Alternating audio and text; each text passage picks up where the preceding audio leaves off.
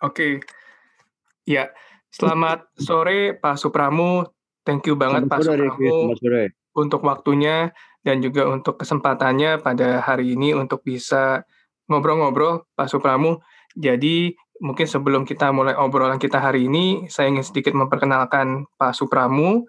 Jadi Pak Supramu adalah CEO dan juga co-founder dari Supreme Energy. Pak Supramu punya banyak pengalaman di sektor ini.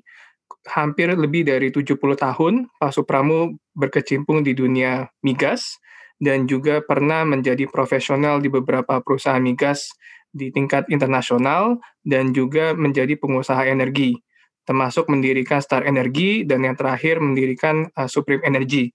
Dan di sini uh, awal mula perkenalan saya dengan Pak Supramu itu dimulai ketika saya masih ingat Pak Supramu di tahun 2016 saya datang uh, mengunjungi Pak Supramu di kantor. Pada waktu itu saya sedang dalam proses aplikasi ke UC Berkeley.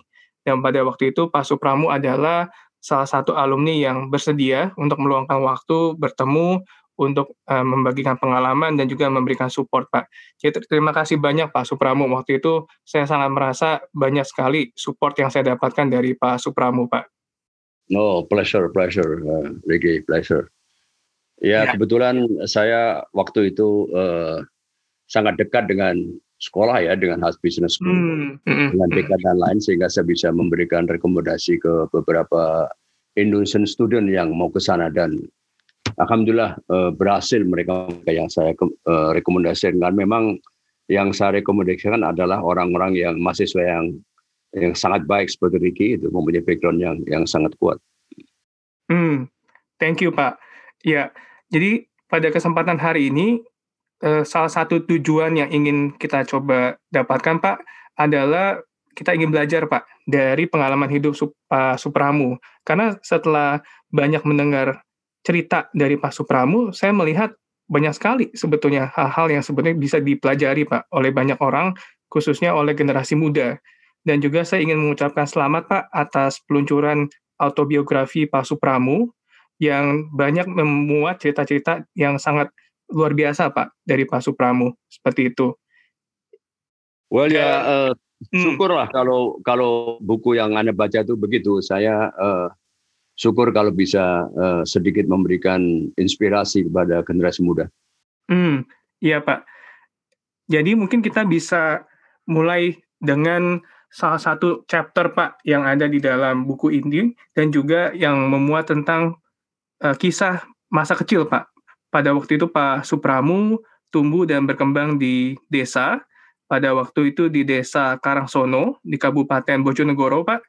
Nah, mungkin boleh diceritakan, Pak, kira-kira pada waktu itu bagaimana kehidupan di desa dan bagaimana pengalaman ini kemudian membentuk kepribadian dari Pak Supramu? Ya, pada waktu saya kecil, eh, sampai selesai sekolah dasar itu, saya ikut nenek saya di desa Hmm. tua saya sudah pindah ke kota, tapi saya ikut di desa karena nenek saya ingin saya tinggal di desa. Dan itu desa yang terletak 13 km dari Bojonegoro. Desa yang umumnya desa di Bojonegoro itu pada saat itu adalah desa-desa miskin ya, karena tanahnya tidak terlalu hmm, subur. Hmm. Hmm. Uh, jadi uh, saya tinggal di desa bersama-sama orang yang kehidupannya sangat sederhana dan saya banyak sekali di situ pada waktu kecil bergaul dengan anak-anak desa, bergaul dengan pengembala, pengembala di desa. Dan itu saya rasakan sesudah saya besar, saya itu sangat mempengaruhi kepribadian saya. Orang-orang di hmm. desa yang sangat egalitarian gitu, yeah. yang tidak begitu banyak membedakan antara manusia satu dan manusia yang lain. Kemudian kerja keras mereka, kehidupan yang keras di desa itu uh, saya kira saya rasakan sudah saya besar itu mempengaruhi sekali uh, kepribadian saya dalam mm -hmm. saya bergaul di masyarakat dan berhubungan dengan orang lain. Hmm, iya, termasuk juga yang mungkin sampai hari ini terbawa juga kegemaran untuk menonton wayang kulit, ludruk, ketoprak seperti itu ya Pak. Nah itu juga ini itu juga satu hal yang sangat uh, sangat penting. Mm. Uh, pada waktu di sana memang saya sering lihat wayang kulit ya, terutama wayang kulit dan lain-lain seperti ludruk, ketoprak dan lain-lain. Terutama wayang kulit itu banyak sekali mengajarkan nilai-nilai itu yang saya walaupun saya masih kecil, saya masih SD gitu, tapi saya sudah bisa menangkap nilai-nilai yang disampaikan pada di dalam wayang kulit itu. Kalau istilahnya sekarang itu pitutur-pitutur Jawa, ya. Hmm. Filosofi-filosofi Jawa yang bisa saya tangkap di wayang kulit maupun di dalam tembang-tembang Jawa itu sangat juga mempengaruhi saya. Di situ yeah. banyak sekali pitutur-pitutur luhur ya, nilai-nilai kearifan lokal yang saya pelajari yang juga uh, ikut uh, mempengaruhi kepribadian saya pada waktu saya sudah dewasa gitu. Hmm, iya iya. Dan juga ada satu uh, bagian Pak dari dari chapter ini di mana uh, ada berita duka cita pada waktu itu Pak Santoso ayah dari Pak Supramu uh, meninggal dunia, Pak, ketika waktu itu mungkin Pak Supramu masih berada di sekolah menengah, Pak. Nah, mungkin boleh sedikit di-share juga, Pak, kira-kira bagaimana peristiwa atau momen tersebut juga kemudian membentuk kepribadian Pak Supramu, Pak?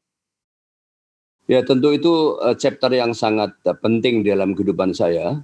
Hmm. Uh, pada waktu saya di SMA kelas 2, baru awal kelas 2 itu, jadi umur tahun umur saya pada waktu itu sekitar 16 tahun, 17 tahun gitu, uh, ayah saya meninggal. Yeah. Ayah saya adalah seorang yang sangat saya merupakan role model bagi saya. Ayah saya itu seorang tokoh masyarakat yang aktif gitu dan di beberapa organisasi dan di rumah saya itu selalu banyak orang yang datang untuk minta pertolongan hmm. ayah saya kemudian ayah saya juga juga pidato di luar dan itu merupakan satu satu model bagi saya, role model bagi saya sehingga timbullah di dalam di dalam diri saya dengan di mana karena role model ayah saya dan cara ayah saya mendidiknya itu timbul satu keinginan saya bahwa nanti kalau saya besar saya ingin seperti ayah saya hmm. menjadi orang yang mempunyai yang peranan penting di masyarakat dan bisa berbuat sesuatu di masyarakat. Jadi itulah yang saya sebut eh, satu impian sudah tertanam di dalam hati saya bahwa later I want to be somebody. Ah, okay. Walaupun karena usia yang ya masih muda, tentu saya tidak bisa membayangkan somebody itu kayak apa. Hmm, Tapi di dalam yeah. benak saya, saya ingin menjadi orang yang berpengaruh, mempunyai peranan dan berbuat di masyarakat seperti apa yang dilakukan oleh ayah saya. Itu itu yang saya kira saya itu satu uh, uh, impian yang ditanamkan, tertanam di dalam hati saya. Hmm. Sehingga dengan dengan uh, ayah saya meninggal itu merupakan satu kesedihan yang luar biasa, bukan hanya karena ditinggal oleh seorang ayah, tapi yeah. yang tertanam di benak saya adalah untuk menjadi somebody seperti yang saya impikan, saya harus saya harus mempunyai education yang tinggi, Betul. saya harus berpendidikan, Nah sekarang dengan ayah saya tidak ada, bagaimana saya bisa meraih impian saya itu? Siapa yang akan membiayai saya sekolah nanti? Karena saya enam bersaudara, okay. dan semuanya belum ada yang selesai. Itulah hmm. yang merupakan eh, kesedihan yang paling berat bagi saya. Tentu saja saya pada saat itu karena belum belum sangat dewasa sehingga saya juga tidak menyadari apa yang saya alami kemudian bahwa ternyata saya tidak punya ayah, tapi ternyata Tuhan selalu membimbing saya di dalam kehidupan itu. Hmm, iya, luar biasa Pak. Dan setelah Pak Supramu lulus SMA, Pak Supramu sempat bekerja Pak di Wonokromo ya Pak waktu itu ya di Bank Pasar.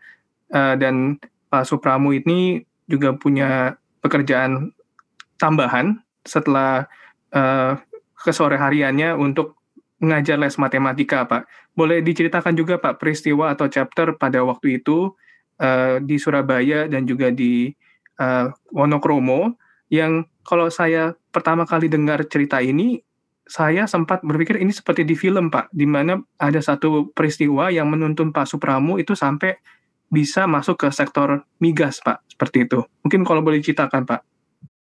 Uh, betul Ricky, betul Ricky. Uh, memang hidup ini seolah-olah sudah ditentukan destiny kita. Jadi uh, sesudah lulus SMA di Surabaya, jadi pada waktu ayah meninggal saya uh, langsung pindah ke Surabaya ikut uh, uh, om saya gitu. Hmm. Sesudah uh, saya selesai SMA karena om saya juga bukan orang yang berada, sehingga saya tidak bisa meneruskan kuliah. Itu yang paling menyedihkan, walaupun keinginan kuliah itu tetap aja di dalam dada saya, saya tidak bisa sekolah. Akhirnya eh, dengan bantuan umum, saya bisa bekerja di satu bank, bank pasar itu. Bank pasar itu adalah bank yang memberikan kredit, pinjaman kepada pedagang-pedagang kecil di pasar gitu. Iya. Jadi mereka itu memberikan pinjam misalnya seribu rupiah pada waktu itu. Hmm. Itu selama sebulan seribu rupiah menjadi seribu dua ratus Bayangkan 20% interest pada saat itu. Hmm. Nanti tiap hari, tiap hari harus ditarik uang itu, dicicil. Yeah. Jadi tugas saya sebagai seorang pegawai bank adalah pergi ke pasar-pasar itu untuk menarik cicilan itu. Hmm. Jadi kalau seribu menjadi seribu dua ratus, saya menarik empat puluh empat puluh eh, empat puluh rupiah satu hari, sehingga satu bulan bisa menjadi seribu dua ratus. Itulah tugas saya. Hmm, Dan tugas saya itu jauh. Saya di Surabaya, kemudian saya pergi ke pasar Waru di yang dekat airport Juanda sekarang itu, yang jaraknya 15 km dari Surabaya. Itu saya naik sepeda tiap hari, jadi bolak-balik 30 km tiap hari itu. Uh, untuk uh, menarik cicilan dari pedagang-pedagang pasar. Ya. Itu juga sangat mempengaruhi pribadi saya juga. Satu kerja keras tiap hari begitu. Tapi juga saya bergaul dengan pedagang-pedagang kecil, yang senang ketemu saya, kita ngobrol dan lain-lain. Jadi itulah sifat-sifat yang juga memupuk kepribadian saya ke, ke depan. Nah, pada sore harinya saya memberikan les matematika kepada tetangga-tetangga saya gitu, tetangga rumah yeah. yang dekat dengan saya. Nah, di sini yang saya ceritakan dalam buku saya bahwa a life is is a destiny. Uh, seolah-olah ada tangan Tuhan yang menuntun kita Salah satu anak yang saya berikan les matematik itu adalah anak dari kepala Permina, kalau sekarang Pertamina ya. Hmm. Kepala Permina di Jawa Timur, di Surabaya. Jadi saya selalu datang ke rumahnya memberikan les matematik kepada anak itu. Ya. Dan kelihatannya ayahnya itu memperhatikan saya. Hmm. Kemudian dia tanya ke saya, kok saya kenapa saya tidak kuliah? Saya bilang saya ingin kuliah pak, tapi saya tidak punya uang. Ya. Dan kemudian dia bilang kepada saya, ya kalau kamu begini terus, kapan kamu punya uang untuk kuliah? Ya mudah-mudahan suatu ketika Pak. Gitu. Akhirnya dibilang, e, kalau kamu harus pengen kuliah, kamu harus kerja yang bisa menghasilkan uang banyak dan nabung. Apakah kamu mau kerja di proyek gitu? Hmm, hmm. Nah, di situlah awal mulanya kehidupan destiny saya di dunia energi. Dia menjadikan pekerjaan saya dan saya dikirimkan ke satu proyek pengeboran minyak lepas pantai pada waktu itu itu tahun 68 hmm. di Pulau Masalembo di antara Surabaya dan Pulau Masalembo itu ada ada offshore drilling. Dan saya bekerja di offshore drilling dan juga di supply base di Masalembo itu hmm. merupakan satu satu uh, perjalanan saya yang pertama kali di dunia energi. Ya tentu saya pada waktu itu tidak merasa bahwa itu adalah langkah awal saya tapi ternyata demikian saya pergi di uh, ke Pulau Mas Lembu bekerja, tapi ya karena saya itu hanya berijazah SMA yeah. dan tidak punya pengalaman apa-apa untuk di dunia migas pada saat itu saya ya bekerja sebagai roughneck artinya sebagai tenaga kasar mm-hmm. menyiapkan barang-barang keperluan drilling, semen, pipa dan lain-lain itu. Jadi hidup saya bergelut dengan uh, bergelut dengan barang-barang pengeboran itu sebagai tenaga kasar atau istilahnya di dalam uh, dunia uh, drilling itu istilahnya sebagai roughneck gitu. Itulah hmm, hmm, hmm. awal dari karir saya di di dunia migas. Ya, saya tidak merasa pada saat itu itulah awal saya untuk untuk perjalanan hidup ke depan. Luar biasa. Itu tahun 6, hmm. tahun 68 itu. Dan itu peristiwa yang luar biasa karena pada waktu saya kerja di bank itu gaji saya hanya 900 900 eh, rupiah satu hmm. bulan. Kemudian dengan kerja di situ saya kalau tidak salah dapat 12 ribu satu bulan. Jadi satu lompatannya luar biasa. Sehingga dari hasil itu saya bisa membantu ibu saya untuk membesarkan adik-adik saya itu. Gitu. Wah, luar biasa, Pak. Ya, saya mungkin hanya bisa membayangkan, Pak, uh, kerasnya kehidupan Pak Supramu pada waktu itu, uh, saya juga waktu ketika lulus kuliah, saya sempat juga ke Papua waktu itu Pak, uh, karena klien saya waktu itu adalah perusahaan tambang dan tempat tinggal dan kerja saya pun juga berada di daerah yang uh, cukup terpencil, Pak. Tapi saya juga uh, percaya rasanya itu masih jauh lebih baik, Pak, dengan mungkin kondisi pekerjaan atau tempat tinggal dari Pak Supramu pada waktu itu, Pak, di di masa Lembo, Pak, seperti itu. Uh, iya betul karena hmm. pada saat itu ya pada saat itu belum ada banyak peraturan pemerintah itu yang memperhatikan safety dan lain-lain sehingga hmm. memang kita hmm. tidak terlalu tidak sebaik sekarang ini gitu dan sebagai buruh saya uh, adalah campur dengan buruh tinggal di barak-barak kayak gitu. Iya. Hmm. Iya, iya. Kemudian setelah dari uh, masa Lembo dan juga ke Pak Supramu juga sempat uh, pindah ke Bula ya Pak, yang ada di uh, Maluku Utara pada waktu itu ke perusahaan American Gulf and Western. Dan waktu itu ada juga satu kisah yang saya rasa cukup menarik, Pak. Uh, ada satu insiden yang terjadi yang di dari insiden itu akhirnya Pak Supramu dikenal oleh oleh banyak orang pada waktu itu, khususnya oleh bos-bos bule Pak pada waktu yang ada di pada waktu ya. itu yang ada di sana. Mungkin boleh boleh diceritakan juga Pak apa yang terjadi waktu itu Pak? Mungkin kembali di masa lembu dulu karena ini hmm. adalah uh, satu hal yang penting dan merupakan uh, pesan dari buku saya itu pada waktu saya menjadi buruh kasar di masa Lembo, offshore masa Lembo, saya berpikir bahwa saya tidak bisa, tidak harus menjadi kuli dan tenaga kasar begini. Saya harus berbuat sesuatu sehingga orang-orang itu melihat bahwa saya tidak pantas menjadi eh, tenaga kasar. I have to do something supaya I look different gitu. Mm-hmm. Itu yang selalu uh, menjadi filosofi saya bahwa di mana pun kamu berada, kamu harus berbuat yang terbaik kamu harus tampil beda. Jadi eh, walaupun saya sebagai tenaga kasar, saya mau menjadi cita-cita bahwa saya tidak harus begini. Jadi suatu ketika pada eh, peringatan 17 Agustus di masa limbo ini, saya mengorganize eh, perayaan 17 Agustus di antara buruh-buruh itu, tenaga-tenaga kasar itu, saya mengadakan perayaan 17 Agustus hmm. dengan dan saya sebagai ketuanya dengan tujuan bahwa saya nanti akan tampil. Oh, sehingga orang-orang okay. akan melihat saya berbeda. Jadi kita mengadakan perayaan 17 Agustus, ada malam kesenian, dan saya tampil sebagai ketua, ketua dari buru-buru itu, dan hmm. mengundang mengundang bos-bos orang Jepang dan bule saat itu, dan saya pidato dalam bahasa Inggris yang terbata-bata.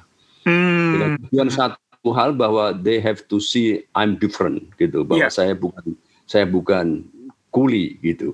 Hmm. Akhirnya itu ternyata eh, strategi itu ya uh, ampuh.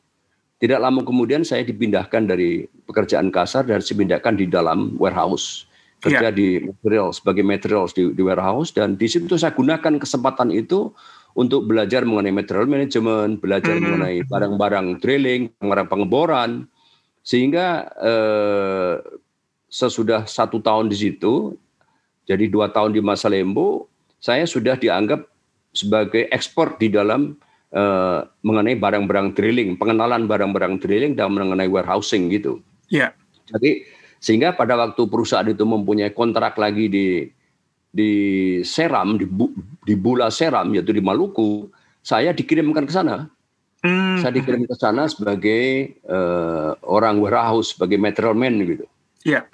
Jadi itu satu anu langkah juga yang sangat-sangat monumental. Saya pindah ke sana dan seperti tadi tanyakan di sana betul juga ada satu peristiwa juga yang ini juga menurut saya juga satu hal yang yang very eh, satu koinsiden tapi ya juga luar biasa. Di sana setelah saya sampai di sana ada pembongkaran kapal waktu itu untuk membongkar barang-barang dan untuk menurunkan barang-barang itu dari kapal harus ada forklift dulu, forklift yang hmm. menarik barang-barang supaya bisa ditarik ke atas.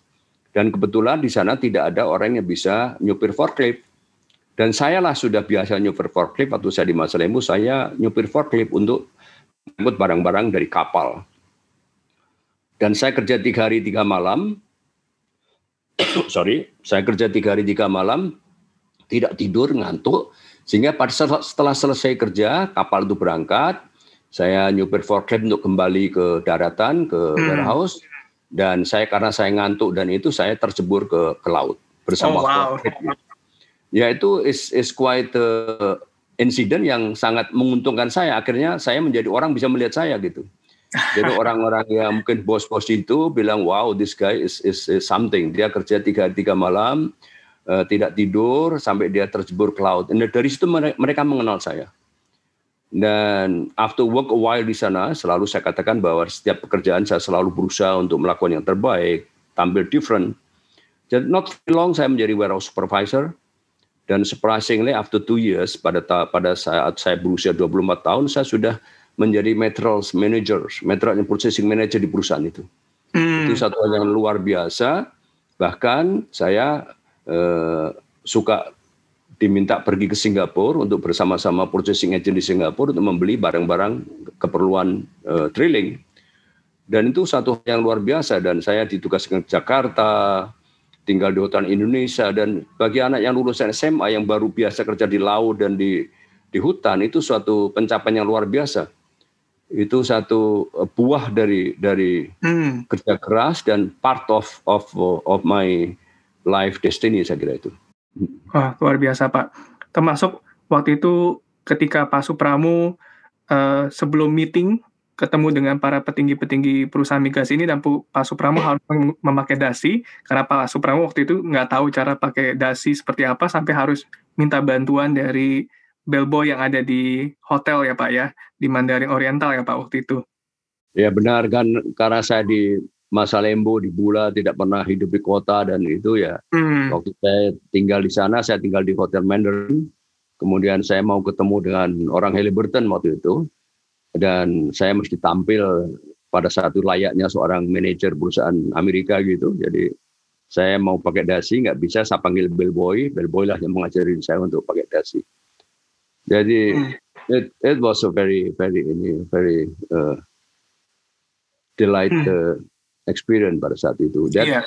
tahun 1972 itu saya kira saya mulai melakukan perjalanan ke Singapura berkali-kali dan Jakarta. Hmm, hmm, iya. Dan walaupun mungkin bisa kalau dilihat oleh banyak orang, Pak Supramu sebenarnya sudah ada di posisi yang sangat baik ya Pak ya sebagai material dan juga purchasing manager, tapi Pak Supramu tidak juga uh, kehilangan semangat untuk uh, melanjutkan studi pada tahun kurang lebih mungkin tahun 74 Pak Supramu ke, memutuskan untuk untuk kembali ke sekolah Pak. Dan pada waktu itu Pak Supramu uh, mempertimbangkan beberapa sekolah dan sampai akhirnya memilih UC Berkeley Pak. Mungkin boleh diceritakan juga Pak sampai uh, pada waktu itu apa yang sangat mendorong Pak Supramu dan sampai akhirnya juga memilih Berkeley Pak. Itu pertama-tama tadi saya kembali kepada impian tadi hmm. bahwa I want to be somebody, somebody yang mempunyai peranan di dalam masyarakat gitu. Dan saya tidak pernah lepas bahwa untuk itu I have to have a high education. Saya harus mempunyai pendidikan yang tinggi. Karena itu keinginan untuk sekolah itu tidak pernah lepas. Jadi pada waktu itu tahun 74, jadi usia saya sudah 20 26 eh, tahun ya gitu saya decide untuk uh, pergi ke Amerika. Uh, setahun sebelumnya saya pindah untuk membantu kakak saya di Banjarmasin, tapi tahun 74 saya memutuskan untuk belajar. Hmm. Dan karena selalu bersama-sama orang Amerika, saya decide untuk pergi sekolah ke Amerika. Tapi karena pengalaman saya yang selalu tinggal di hutan, saya tidak tahu sekolah ke mana. Iya. Akhirnya saya pergi ke kedutaan besar Amerika di Merdeka Selatan saat itu dan tanya-tanya mengenai sekolah di Amerika. Nah, mereka memberikan saya satu buah katalog yang besar gitu, yang isinya daftar sekolah-sekolah di Amerika. Mm-hmm. Dari halaman yang saya buka paling atas tuh tertulis Armstrong College Berkeley gitu. Oh, Oke. Okay.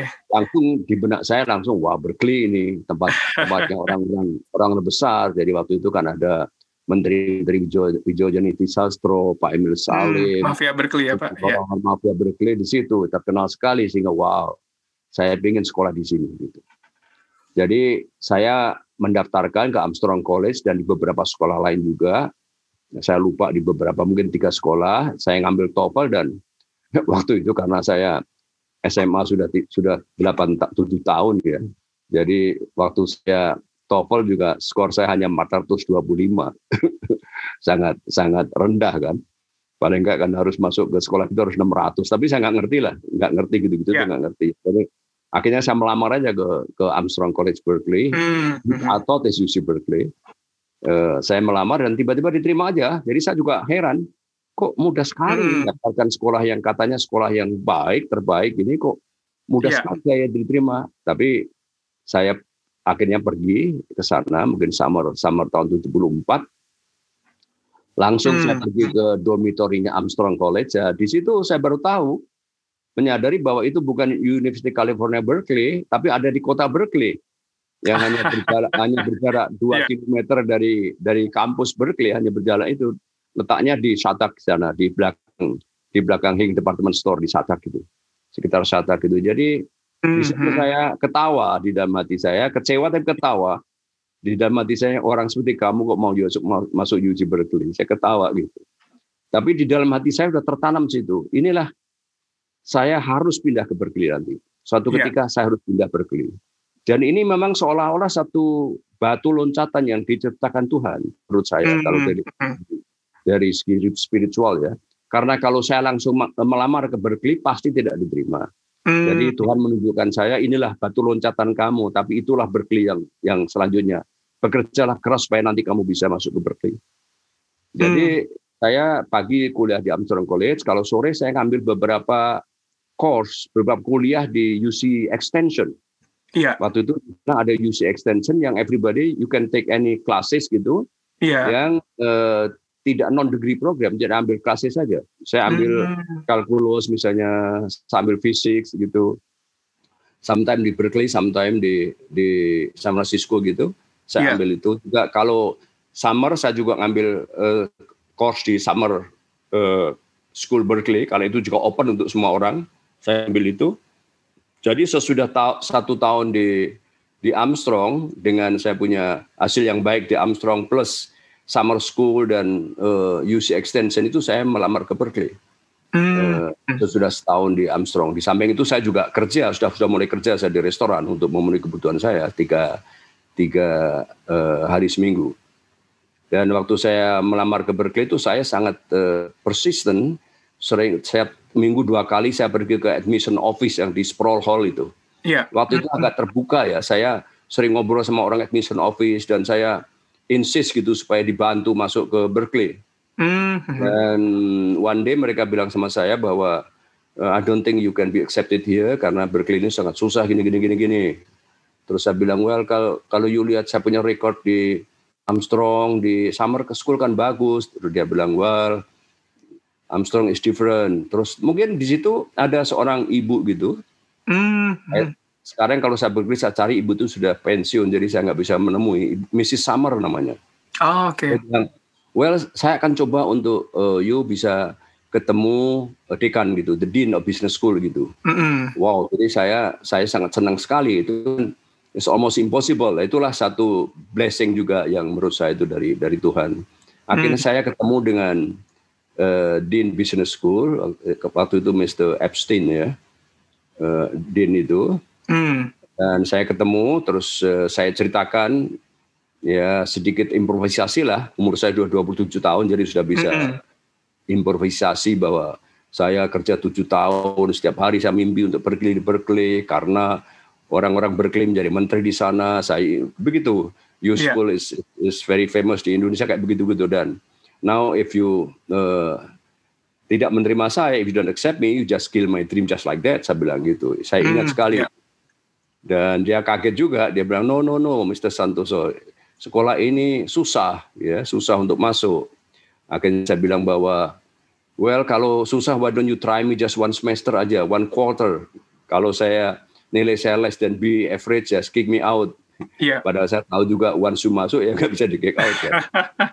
Tapi that's exactly what Berkeley is looking for gitu. Orang-orang mm-hmm. seperti itu. Jadi dia akhirnya bilang let's see what I can do gitu. Dan benar saya punya persisten dan dan itu insistence itu uh, berhasil seminggu kemudian saya mendapatkan surat bahwa saya diterima di UC Berkeley. Itu salah satu uh, golden milestone juga di dalam kehidupan yeah. saya. I was very very happy. Itu uh, terjadi pada tahun 75 itu 75. Hmm. 75 summer saya mulai kuliah di Berkeley uh, Business School undergraduate ya. Wow, ya seperti di film, Pak.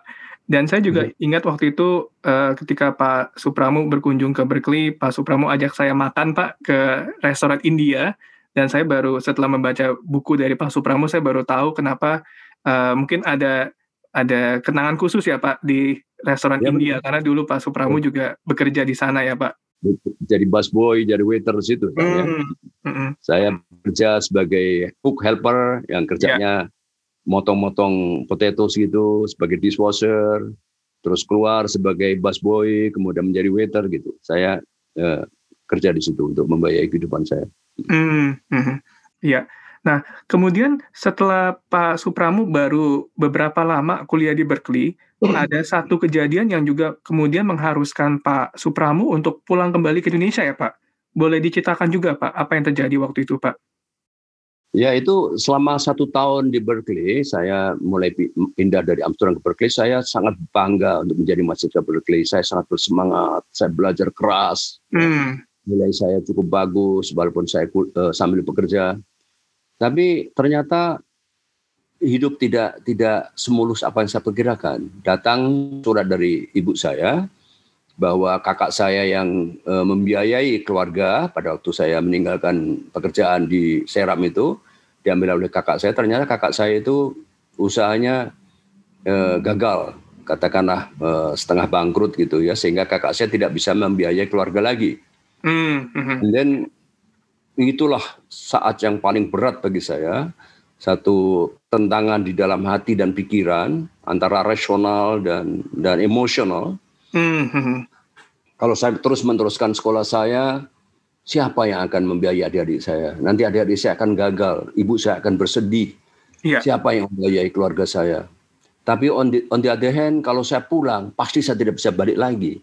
Pasti hmm. saya hmm, drop, drop out dan nggak bisa balik lagi dan dan hilanglah impian yang saya cita-citakan mulai dulu untuk untuk menjadi somebody, untuk belajar.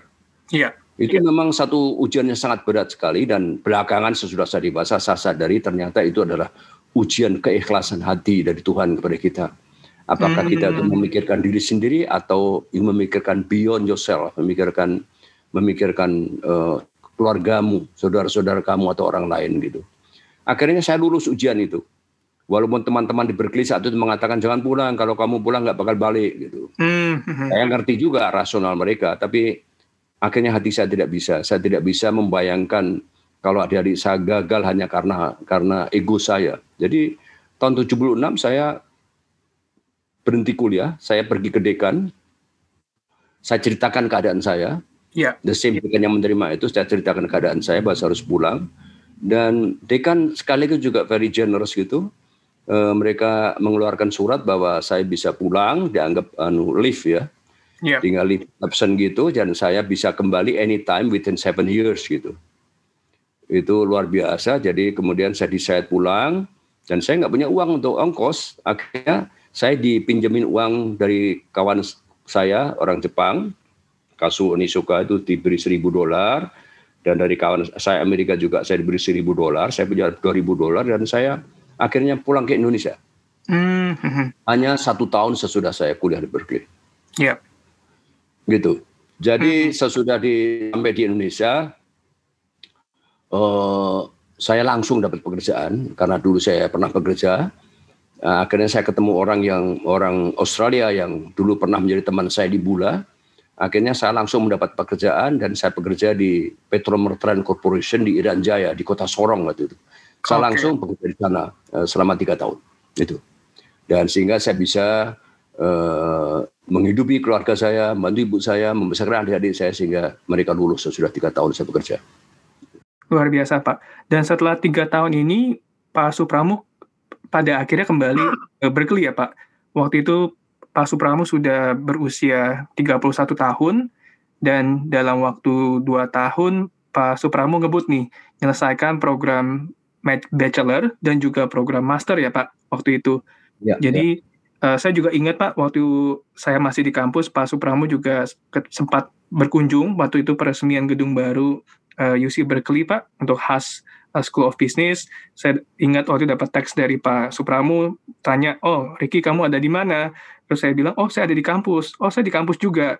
uh, jadi ternyata waktu itu Pak Supramu khusus datang untuk di acara peresmian gedung baru UC Berkeley yang waktu itu di salah satu ruangan itu ada ada nama Pak Supramu nih seperti itu. Jadi saya mungkin ingin tanya juga Pak, apa yang ada di dalam pikiran atau benak dari Pak Supramu nih ketika menghadiri acara tersebut karena mengingat perjuangan dari Pak Supramu yang sangat tidak mudah Pak untuk sampai Pak Supramu bisa uh, lulus dari UC Berkeley dan tidak hanya lulus tapi bahkan lulus dengan sangat baik Pak waktu itu di program bachelor dan juga di program master Pak.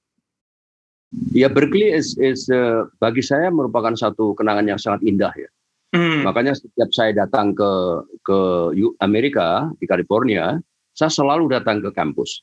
Hmm. Dan kebetulan saya dekat juga dengan dean di sana, dengan orang-orang di sana. Jadi karena itu bagi saya merupakan satu satu kenangan yang sangat manis bagi saya. Dan waktu peresmian gedung itu, di mana saya juga nyumbang sedikit gitu, sehingga saya diundang ke sana gitu. Jadi eh, luar biasa Berkeley itu bagi saya. Jadi sesudah hmm. saya kembali di sana itu, eh, padahal saya waktu itu baru setahun di UC Berkeley, saya kembali ke sana dua tahun.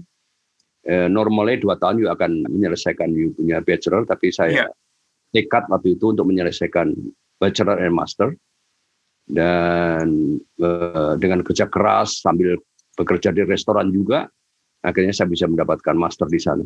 Jadi uh, satu hal yang sangat sangat uh, kenangan yang sangat luar biasa bagi saya Berkeley itu. Every hmm. corner hmm. campus itu mean something to me karena yeah. hidup saya waktu di Berkeley itu hanya di kampus atau di restoran. Saya kerja kalau enggak di kampus yeah. di, di di perpustakaan gitu, atau di di restoran. Saya nggak ada kehidupan lain sama sekali. Wow. Bayangkan kalau saya baru satu tahun per dua tahun berarti hanya tiga tahun di UC Berkeley saya bisa menyelesaikan master and bachelor. Uh, bachelor and master jadi suatu hal yang luar biasa karena when when people uh, taking three classes I think I, I took five classes. Saya wow. people ambil 16 18 unit saya ngambil 24 unit. Jadi memang uh, luar biasa dan saya selalu sekolah waktu summer segala sehingga uh, bisa mempercepat mempercepat uh, lulusnya itu. Jadi Berkeley membawa kenangan yang uh, kenangan yang sangat indah sekali dan seperti saya katakan saya menjalin hubungan yang erat sekali. Saya diundang ke sana menjadi keynote speaker hmm. pada waktu ada business conference. Saya diminta untuk duduk di board of advisors di Berkeley. Jadi uh, Berkeley means something to me, a lot of thing to me. Yeah. Hmm, hmm, hmm. Ya, saya juga bisa sangat relate Pak dengan apa yang Pak Supramu sampaikan tadi Pak. Bagaimana pengalaman di UC Berkeley itu banyak juga um, mendatangkan pelajaran Pak untuk saya. Nah, setelah Pak Supramu lulus dari UC Berkeley, Pak Supramu kembali ke Indonesia dan kalau kita sedikit uh, fast forward Pak, Pak Supramu sudah uh, kemudian bekerja Pak di banyak perusahaan migas uh, global Pak, termasuk di Asamera Oil dan juga di Gulf Indonesia. Dan di perusahaan-perusahaan ini Pak Supramo memegang posisi-posisi yang juga penting Pak. Posisi yang sebelumnya itu biasa diisi oleh tenaga asing atau oleh para ekspatriat, tapi di sini Pak Supramo banyak mendapatkan kepercayaan Pak untuk memegang posisi-posisi yang penting ini. Mungkin boleh sedikit di-share Pak, apa sih yang menjadi kiat uh, karir dari Pak Supramu sehingga berhasil untuk uh, menduduki posisi-posisi yang penting ini Pak, walaupun dalam usia yang juga relatif lebih muda dan juga bahkan dapat kepercayaan yang lebih, Pak. Iya, uh, jadi sesudah kembali itu memang karir saya berjalan sangat cepat sekali, sangat cepat sekali. Hmm. Jadi uh, prinsip saya yang saya lakukan adalah di mana pun saya berada, di mana pun saya bekerja, saya harus melakukan yang terbaik. Itu prinsip saya. Karena yang terbaik itu aja mungkin belum cukup gitu. Iya. Jadi you have to give your best because your best might not be enough gitu ya. Yeah. Itu prinsip saya. Dan kemudian uh, seperti diajarkan di Berkeley, saya kira juga ingat juga ada uh, satu filsafat dari UC Berkeley Business School yaitu challenge status quo gitu ya kan. Jadi kita harus selalu membuat perubahan di mana pun kita berada. Jangan melakukan apa yang sudah dilakukan orang orang sebelumnya. Betul. Jadi uh, di perusahaan-perusahaan itu saya dianggap sebagai agent of change ya, sehingga saya hmm. pindah dari satu satu departemen ke departemen lain dengan sangat cepat. Misalnya yang luar biasa itu terjadi uh, pada tahun 80 enam mungkin ya sesudah sekian hmm. tahun saya di sana. Saya adalah seorang dengan background finance ya, hmm. bukan teknik gitu. Tapi saya surprise bahwa pada tahun 86 itu saya diminta oleh oleh uh, presidennya Peter Martin untuk menjadi operation manager di Iran Jaya yang oh, membawai wow. membawai production, drilling, exploration dan orang-orang bule di sana di bawah saya yang hmm. posisi sebelumnya orang asing langsung diberikan yeah. ke saya. Itu satu hal yang sangat sangat luar biasa bahwa saya sebagai seorang yang non teknik menjadi satu operation manager di daerah di satu perusahaan minyak yang besar yang sangat aktif, ada eksplorasi, ada produksi dan lain-lain. Jadi modal saya hanyalah satu manajerial yang baik, manajerial hmm. skill yang baik. Kemudian communication yang baik dengan semua orang, bisa memanfaatkan keahlian anak buah kita, ya. kemudian menjalin hubungan yang seluas-luasnya dengan dengan dengan punya serum manajemen maupun dengan semua orang dan dengan masyarakat. Kemudian yang paling penting adalah kita punya logical thinking aja karena semuanya hmm, logik kan. Hmm. Pola itu memberikan pelajaran kita untuk berpikir logik dan analytical. Nah, dengan skill itu kita bisa memecahkan berbagai problem dan saya uh, bisa menjadi operation manager yang baik. Itu awal dari saya uh, karir sebagai eksekutif ya. Kemudian saya pindah di Asamera, di Gal, kemudian di Konoko. Mm -hmm. Dan saya juga juga dengan prinsip yang sama, always try to do your best yeah. because your best may not be enough always uh, strive for for better mm. challenge status quo dan lain-lain sehingga saya bisa uh, meniti karir dengan sangat baik di di Asamera dan Golf saya menjadi orang yang kedua sesudah orang presiden waktu itu uh, dan bahkan pada tahun lupa saya tahunnya 90 waktu itu mm. uh, karena apa yang saya lakukan dengan memelopori uh, pipeline gas di Sumatera saat itu, saya mendapatkan uh, satian cara membangun dari Presiden Soeharto pada saat itu. Oh wow. Very very rare untuk orang-orang dari perusahaan swasta, perusahaan asing itu. Mm -hmm. Itu yang yang jadi karir profesional saya uh, berjalan sangat sangat baik. Yeah. Dan sangat penting di sini adalah message saya adalah saya selalu menjalin hubungan yang sangat erat dengan semua pihak. Mm. Baik dengan manajemen di atas, kemudian dengan pemerintah dan semua karyawan. Ya. Dengan semua karyawan. Jadi itulah mungkin ya ini maaf ya ini tidak menunjukkan diri tapi cerita ya. Itulah satu buah dari kehidupan egalitarian yang kita tidak membedakan manusia. Jadi saya sangat akrab dengan dengan semua karyawan.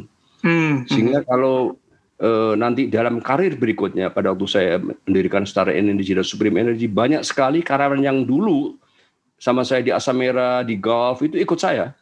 Anytime oh, okay. saya minta mereka akan mereka akan join saya.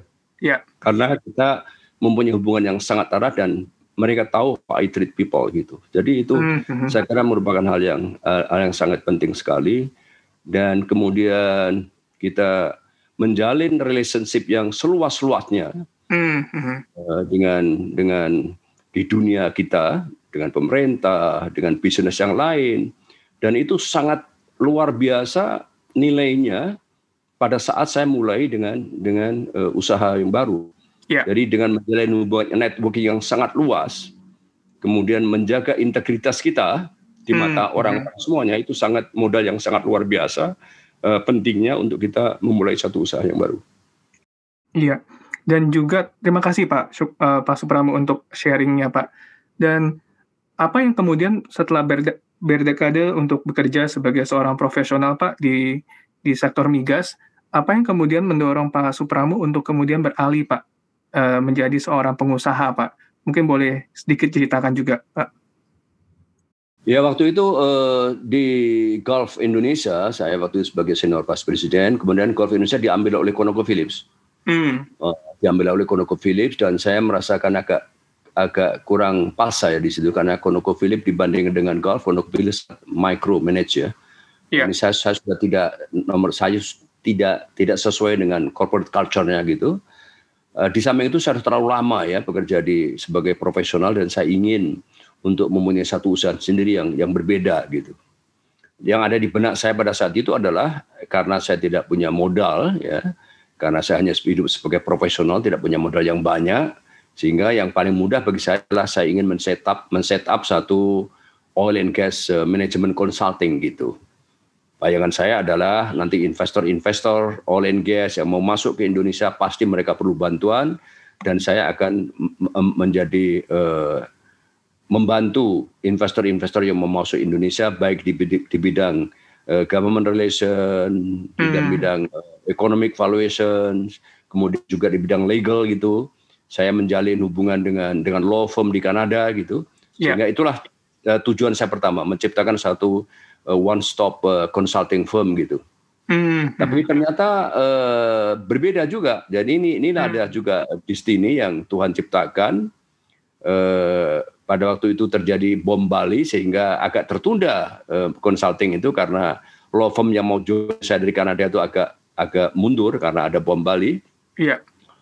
Jadi kemudian saya ketemu dengan Pak Kuntoro Makusubroto yang bekas Menteri Energi gitu. Hmm. Uh, kita lunch bareng dan dia waktu dia menanyakan apa yang akan saya lakukan, saya ceritakan sama Jet Consulting, dia, waduh sayang sekali Pram, orang seperti you pasti harus mending langsung aja mempunyai produksi, langsung bergerak di bidang produksi, produksi gas gitu. Dan tentu kita diskusi masalahnya adalah masalah modal karena that uh, will take a lot of capitals kan. Mm-hmm. Akhirnya uh, dia kenalkan saya dengan dengan anu dengan satu uh, investment banking uh, investment company Nusantara Capital waktu itu. Oh, Oke. Okay. Dan saya kenalkan, kemudian kita join Nusantara Capital dan mendirikan Star Energy. Hmm. Dan ternyata uh, things going very well ya. Within four years saya membangun Star Energy dan ini kita akhirnya kita membeli aset oil and gas di Kakap di Natuna. Hmm. Kita bisa menaikkan produksi dan semuanya berjalan sangat baik. Kemudian uh, kita membeli uh, perusahaan geothermal Perusahaan hmm. geothermal itu adalah milik satu perusahaan Indonesia dan Australia yang akhirnya diambil alih oleh diambil alih oleh bank karena mereka default. Kita membelinya dari Deutsche Bank waktu itu. Dan akhirnya uh, kita mempunyai aset yang besar yaitu uh, oil and gas Natuna dan dan geothermal uh, plant di Wayang Windu di Jawa Barat. Kemudian saya melihat bahwa itu bisa dikembangkan dan langsung kita mengembangkan uh, memperluas kapasitas dari geothermal yang di Sumatera Barat and going very well. Hmm. Jadi eh, Stan Energy satu kisah yang sangat sukses dengan dengan dengan cepat, semua karyawan happy, uh, stakeholder happy dan it was a very golden memories dan sampai sekarang Stana Energy yang sekarang ini di bawah kepemilikan Pak Prayogo ternyata menjadi perusahaan yang yang makin maju. I'm very happy about that ya. Hmm, hmm, luar biasa Pak. Dan setelah dari Star Energy, Pak Supramu kemudian juga melanjutkan uh, usaha dari Pak Supramu dengan mendirikan Supreme Energy ya Pak ya, pada waktu itu kurang lebih di tahun 2008 dan boleh diceritakan juga Pak. Dan karena yang saya pahami bahwa untuk mengerjakan satu proyek geothermal itu tidak mudah dan membutuhkan waktu yang panjang Pak, bisa 7 sampai dengan 8 tahun. Uh, boleh di-share juga Pak pengalaman dari Pak Supramu Pak. Betul, ini ini Supreme Energy ini adalah satu kisah yang lain dengan mm Star Energy yang begitu everything going so well gitu. Jadi pada tahun 2007, akhir 2007, saya uh, melihat bahwa waktu itu terjadi dua hal di dunia. Yang pertama adalah declining oil and gas production. Hmm. Jadi di Indonesia oil and gas production decline sekali dari satu setengah juta barrel per hari, dua juta bahkan menjadi hanya 800 900 gitu dan exploration sudah susah gitu. Yeah. Kemudian uh, on the other hand saya melihat sekali bahwa uh, demand for energy di Indonesia itu sangat-sangat tinggi waktu itu increasing sekitar naik 9% per year gitu. Dan satu hal lagi adalah di dunia terjadi passion dan dan pandangan terhadap eh, pandangan terhadap green energy karena global warming. Jadi ada hmm. satu kerinduan dan dorongan bagi dunia untuk uh, meninggalkan fossil fuel dan pergi ke green energy. Dan saya lihat bahwa geothermal merupakan future green energy karena Indonesia punya potensi yang sangat tinggi sekali. Uh, di dalam studi kita punya potensi 29 ribu megawatt, walaupun itu baru potensi ya. Uh, saya melihat yeah. di situlah future of, of energy di Indonesia dan saya decide bahwa saya akan memusatkan perhatian saya untuk membangun geothermal. Uh, dan saya punya expertise orang-orang saya yang juga pengalaman hmm. di Wayang Windu dan saya juga mengambil orang-orang dari Chevron. Akhirnya uh, saya mengambil tiga daerah ya, karena itu hubungan saya dengan pemerintah juga baik. Saya diberikan tiga daerah di ya, Sumatera Barat, Sumatera Selatan dan di uh, Lampung. Saya melakukan studi yang sangat komprehensif di sana Eh, studi geologi, geofisik dan lain-lain. uh, dan mereka dan di situlah di dari hasil studi itu kita bisa mengembangkan sekitar 660 megawatt geothermal berdasarkan studi itu. Ternyata thing is not going as as we plan ya. Everything is so mm, difficult dari setiap yeah. langkah itu very difficult. Uh, terutama karena uh, waktu itu pertama pricing of geothermal, geothermal is expensive karena exploration cost dan lain-lain, kemudian birokrasi di government. Sehingga uh, saya studi tahun 2008, tahun 2012, four years later, saya baru bisa menandatangani power purchase agreement dengan PLN untuk mengembangkan geothermal oh, dan okay. bisa menjual menjual hasil listriknya 2012. Dan exploration dan lain semuanya very difficult dan baru uh, salah satunya tahun 2019. Jadi 12 years sesudah saya mendirikan Supreme Energy dan melakukan studi 12 tahun kemudian saya baru menyelesaikan satu yeah. plan di di Sumatera Barat. Itu pun jauh dari hmm. yang kita perkirakan uh, sebelumnya. Uh, demikian juga hmm. yang di hmm. Sumatera Selatan eksplorasi dengan semua tantangannya dan itu baru Agustus nanti baru akan jadi berarti sekitar 13 tahun baru saya akan menyelesaikan wow. dua plan itu. And much smaller than what we expected. Jadi uh, saya memang waktu itu underestimate underestimate the risk of geothermal exploration karena itu masih baru ya. Jadi pada waktu saya di Wayang Windu saya uh, waktu memperluas Wayang Windu satu ke Wayang Windu dua kita sukses sekali pada waktu drilling. Dan itu hmm. ternyata hmm. sukses itu membuat pikiran saya, wow ternyata geothermal is is is is not that difficult ternyata yeah. what I what I found later is different bahwa exploration in geothermal mm -hmm. juga mm -hmm. tidak kalah riskinya dibandingkan oil and gas. Jadi memang it's very iya. difficult, yeah. very challenging baik dari segi resources, masyarakat, mau dengan pemerintah, birokrasi, every every step is difficult. Jadi mm -hmm. saya katakan is is uh, take me 12 years untuk menyelesaikan satu plan Sumatera Barat dan 13 years untuk menyelesaikan satu plan di Sumatera Selatan tapi at the end saya bisa mewujudkan mimpi saya untuk untuk membangun uh, geothermal energy walaupun tidak as big as what I planned before. Uh, it is very uh, very challenging tapi ini. Mm-hmm. Dan satu hal yang perlu saya ceritakan adalah bagaimana geothermal adalah satu uh, uh, venture yang memerlukan investment yang sangat luar biasa besarnya. Jadi dari yeah. dua plan yang saya bangun ini aja, we spend like uh, 1.3 billion dollars gitu. Wow. Dan bagaimana saya harus meyakinkan investor-investor luar, strategic investor untuk join me gitu. Itu hmm. satu challenge dan cerita sendiri gitu bahwa saya akhirnya bisa mengundang tiga perusahaan internasional, Marubeni Corporation, Sumitomo Corporation, dan Engie perusahaan Prancis yang terbesar, salah satu perusahaan Prancis terbesar di utility, oh, wow. itu bisa join me, join yeah. me untuk membangun geothermal di Indonesia dan tetap uh, Supreme Energy sebagai Supreme Energy saya sebagai duduk di uh, driver seat gitu. Yeah. Jadi tidak saya join mereka lalu saya menjadi pelengkap penderita, tapi saya betul-betul mm -hmm. duduk di depan sebagai sopir dari dari joint venture itu. That is something that is yang bisa dipelajari bagaimana kita bisa attract ke uh, foreign strategic investor yang besar-besar, mm. yaitu mm. untuk bersama-sama saya gitu, yang yeah. yang sangat kecil dibandingkan mereka untuk mengambil risiko yang besar di Indonesia itu. That is quite quite a, mm -hmm. uh, proses yang bisa di, dipelajari dan menjadi contoh itu. Iya, wah terima kasih banyak Pak Supramu, uh, sangat inspiring Pak. Uh, jadi hampir satu jam kita sudah uh, berbincang-bincang Pak dan begitu banyak pelajaran yang saya rasa bisa kita ambil Pak para generasi muda dari kisah hidup dan perjalanan karir Pak Supramu. Mungkin ada pesan-pesan lain yang ingin disampaikan Pak khususnya untuk para generasi muda seperti saya dan juga teman-teman yang masih dalam proses meniti karir Pak atau usaha Pak. Apa sih yang harus kami atau lakukan atau perhatikan Pak seperti itu?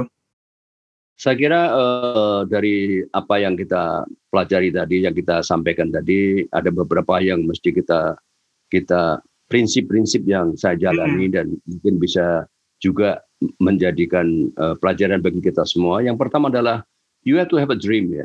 Yeah. You have to have dream dan jangan jangan ini jangan takut untuk mimpi. Hmm. Karena ada yang mengatakan bahwa the future is belong to those who believe in the beauty of their dream gitu ya. Iya. Jadi uh, jangan takut untuk bermimpi. Bermimpi kemudian harus uh, dilakukan dengan dengan semangat kerja keras tanpa menyerah dan pantang menyerah. Itu yang harus kita iya. lakukan, kerja keras. Saya katakan tadi selalu do your best and whatever you do. Hmm. Because your best may not be enough. Itu penting itu. Betul, Pak. Jadi, kerja keras kita, kerja keras dengan melakukan inovasi, kreativitas dan itu harus kita lakukan itu. Kemudian jangan mau dan jangan menerima hanya menjadi manusia rata-rata saja. Hmm. Karena kalau you hanya rata-rata aja nobody going to see you ya. You have to be ya. different. Yeah. Saya katakan different in in good way ya, bukan berarti different ini ya. You have to be different in in, in, in positive way. Itu harus harus kita lakukan. Nah kemudian eh, sebagaimana eh, Berkeley mengajarkan you bahwa eh, you have to think beyond yourself, gitu ya. Jangan hanya memikirkan diri sendiri, tapi berusahalah menjadi manusia yang bermanfaat bagi orang lain, bermanfaat bagi masyarakat, bermanfaat bagi negara, syukur-syukur bisa bermanfaat bagi dunia and mankind. Itu saya kira penting ya. sekali itu. Betul. Jadi uh, Berkeley mengajarkan you to beyond yourself. Itu saya, saya kira sangat penting. Kemudian yang terakhir karena saya orang yang beragama, uh, spiritual kita harus harus harus hidup ya. Hmm. Jadi kita bagi saya adalah uh, semua kehidupan kita ini adalah ada Tuhan yang menguasai dan jangan lupa selalu berdoa. Ya. Jangan lupa selalu berdoa. Dan satu hal di dalam spiritual itu adalah orang tua. Hmm. Jadi jangan lupa selalu berbakti pada orang tua, jangan sampai menyakiti hati orang tua.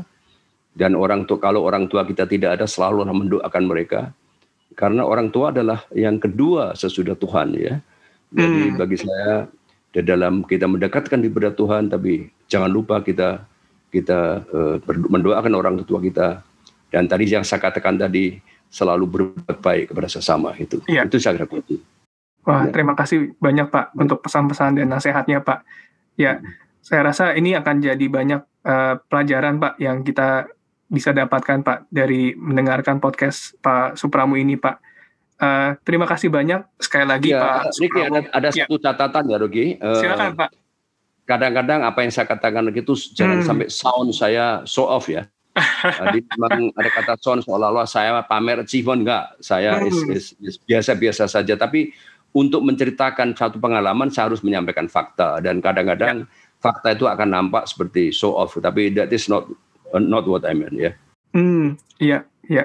Yang saya pribadi melihat Pak Supramo adalah seorang yang yang sangat rendah hati Pak. Jadi uh, sangat bersyukur Pak Supramo bersedia juga untuk membagikan pengalaman-pengalaman ini Pak. Ya. Oke, terima kasih Riki. Terima, terima kasih. kasih banyak sekali lagi Pak Supramu untuk waktunya Pak. Oke Riki, good, good luck, sukses ya. Okay. Ya, sehat selalu Pak Supramu. Thank you. Thank you.